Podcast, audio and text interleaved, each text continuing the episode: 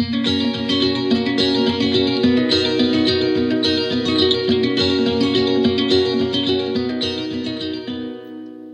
til Danske Bankers, podkasten for deg som vil vite hva som rører seg i markedet fra uke til uke. Mitt navn er Fredrik Ask Stensrud, og med meg i dag så har jeg som vanlig Christian Lie, men ikke fra hovedkontoret på Hamar, men derimot fra ishallen på Hamar. Stemmer det, Christian? Nei, Det er helt feil, fordi jeg sitter nemlig i en ishall i eh, Kiel i Sverige. Litt utenfor Karlstad. Såpass, ja. En globetrotter. Men Ja. uansett, det skal ikke hindre oss i å få, få lagd den sendingen her, selvfølgelig. Og i dag så vil jeg gjerne ta et par fakta om Tyskland. For eh, visste du Christian, at eh, den høyeste katedralen i verden, den er i Ulm i Tyskland? Og den største togstasjonen i verden, den er i, eller i Europa, den er i Berlin. Eh, Holocaust-fornektelse blir ansett som en forbrytelse i Tyskland. Eh, tyskerne er den eh, andre største konsumenten av øl i verden, etter irene selvfølgelig. Og øl er faktisk ansett som mat i Bayern. Og Tyskland er Europas største økonomi, så da vet du det, Christian. Hva er det som har skjedd, det, skjedd denne uken her? Eh, Jeg vil si eh, nok en gang eh, tre ting. og Det første er at frykten for en eskalerende handelskrig har eh, økt og preger eh, finansmarkedene. Vi går faktisk mot den svakeste uken for eh, globale og europeiske aksjer eh, på et halvt år. Vi har hatt eh, mer trøbbel for aksjer, oblasjoner og valutaer i vekstmarkedene. Og sist, men ikke minst, så har vi fortsatt fremgang i verdensøkonomien.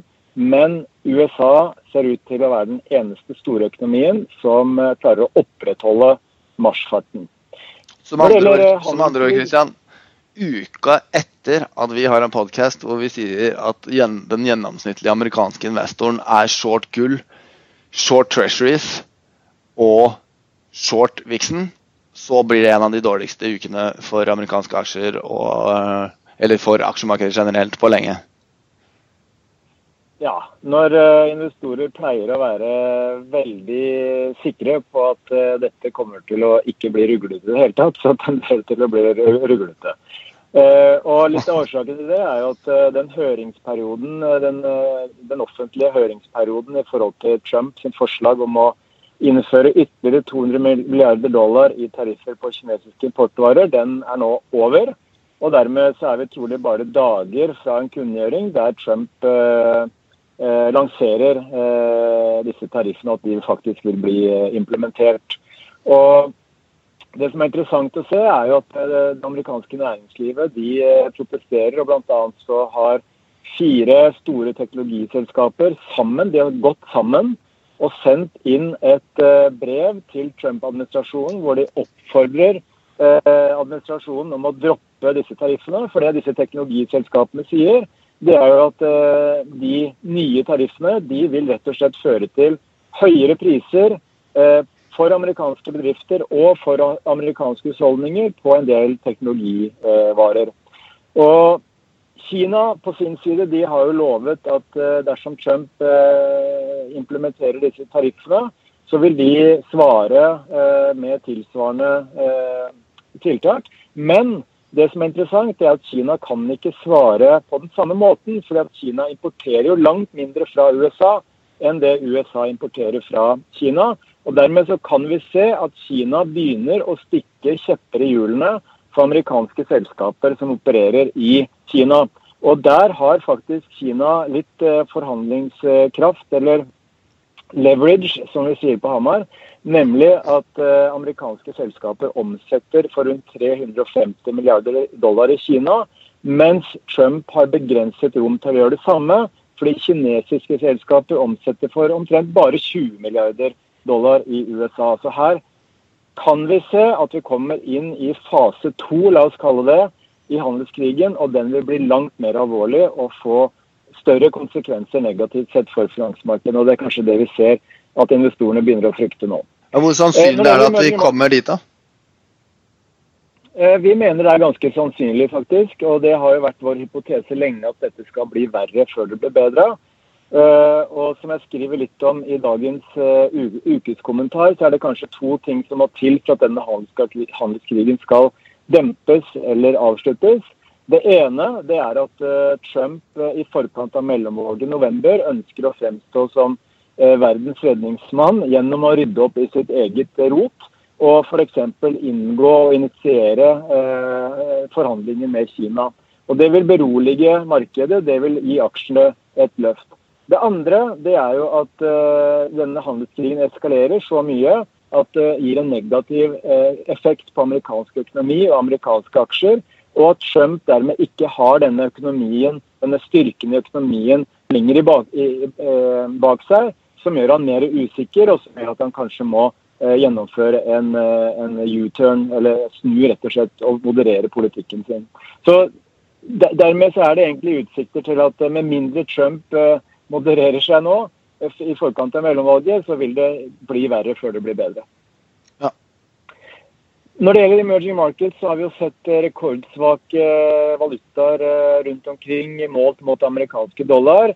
Det har riktignok vært tegn til stabilisering i dag, bl.a. med noe sterkere tyrkisk valuta, argentinsk valuta mot, uh, mot, dollar. Men likevel så har det vært en veldig svak uke for emerging markets aksjer sett under ett med et kursfall på ytterligere 3% og Dermed så er vi om lag 20 eh, ned fra toppnivået for emerging markets-indeksen i januar. Det som må til for å gjøre ting bedre for emerging markets å gjøre investorene mer interessert å investere der igjen, eh, det er trolig en svakere dollar. Men for å se en svakere dollar, så må vi trolig igjen se en svakere utvikling i amerikansk økonomi. Og dermed så er det litt sånn hypotesen at finansmarkedene fremover kan bli nærmest litt sånn utfordra uansett.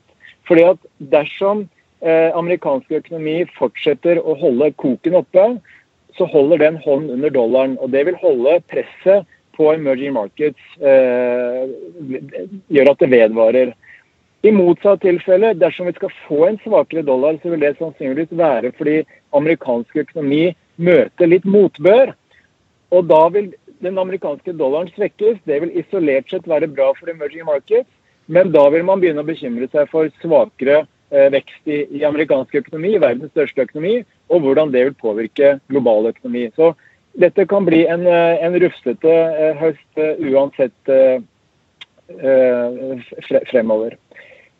Når det gjelder de, de utsiktene for verdensøkonomien, så fikk vi jo en industriindikator fra USA som var sinnssykt sterk. Faktisk nest høyeste nivå på 30 år. Og indikerer at det fortsatt er ganske god fart i amerikansk økonomi. I Europa, Storbritannia, Tyskland, Kina så har vi dermed fått litt mer skuffende indikatorer som egentlig betyr at vi ser denne vekstforskjellen, eller momentforskjellen mellom USA og resten av verden, røkla, den opprettholdes inntil videre. og Dette er med på å holde dollaren relativt uh, sterk og legge også press på bl.a. Uh, emerging markets. Så Frykten for handelskrig er det som dominerer markedet i øyeblikket. Og, og, helt klart så vil jo en eskalering kunne legge ytterligere press på emerging markets. Men på sikt så tror vi at emerging markets begynner å ligne på en god kjøpsmulighet for den som er langsiktig. Yes, det er bra. Men ukas viktigste tall denne ukas her, her sitt viktigste tall har vi egentlig ikke sett ennå, har vi det? Nei, Det kommer jo nå om eh, en drøy time, den amerikanske arbeidsmarkedsrapporten. Og det ja. kan også påvirke dollaren, ikke minst. Ja, og lønnsveksten får vi også. Yes, ja. Men hva skjer neste uke? Eh, de tre viktigste tingene neste uke, det er vi får tall fra Kina på industriproduksjon eh, klokka fire om natta på torsdag. Vi får eh, amerikanske detaljhandelstall på fredag klokka halv tre. Og vi får tall for den amerikanske industriproduksjon kvart over tre på fredag. Ja. Er det noen spesielle av de tallene du vil trekke fram for, for markedets del? Uh, ja, jeg vil uh, tro at uh, både industriproduksjonstallene fra Kina vil være viktige, men kanskje i enda større grad industriproduksjonstallene fra USA. Fordi det vi har sett, det er jo at disse ledende indikatorene, disse PMI-ene eller ISM-indeksen fra USA som heter, har jo egentlig indikert en voldsom aktivitet i industrien. Men hvis vi da ser at den faktiske industriproduksjonen skuffer, så vil det gjøre at investorene kanskje blir noe mer skeptiske til eh, disse ledende indikatorene, og at eh, farten i amerikansk økonomi kanskje ikke er så høy som det en del av disse tallene eh, indikerer. Og Hvis du bare da kort repeterer hva ISM-en er for noe, så er det Det er en uh, månedlig spørreundersøkelse blant innkjøpssjefer i den amerikanske industrien, som normalt er en veldig god pekepinn på aktiviteten i økonomien fremover. Ja, Og den har et balansepunkt på 50, ikke sant? Helt riktig, og nå ligger den på over 60. Ja. Men et tilbakefall der også, selv om det fortsatt er over 50, vil jo også si noe om en, en avmatning der, ikke sant? Ja, det vil du kunne gjøre, men den svinger jo litt. Så man skal, man skal ikke alltid legge altfor mye i, i månedlige endringer. Det er flott, Kristian. Eh, er det alt du har til meg denne uka her? Det er det. Yes. Da tar jeg eh, og oppsummerer de tre viktigste sakene for neste uke. Men først så tar jeg markedsbevegelser siste fem dager. Eh, Oslo Børs ned 2 SMP 500 i USA ned 1,5% Eurostox 600 ned 3% og oljeprisen ned 1,5% De viktigste sakene neste uke er eh, industrioutput fra Kina på torsdag klokka fire om natta. Eh, retail sales i USA eh, på fredag klokken halv tre.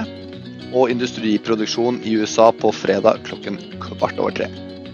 Det var alt vi hadde i ukens Danske Bankers. Vi høres igjen neste uke.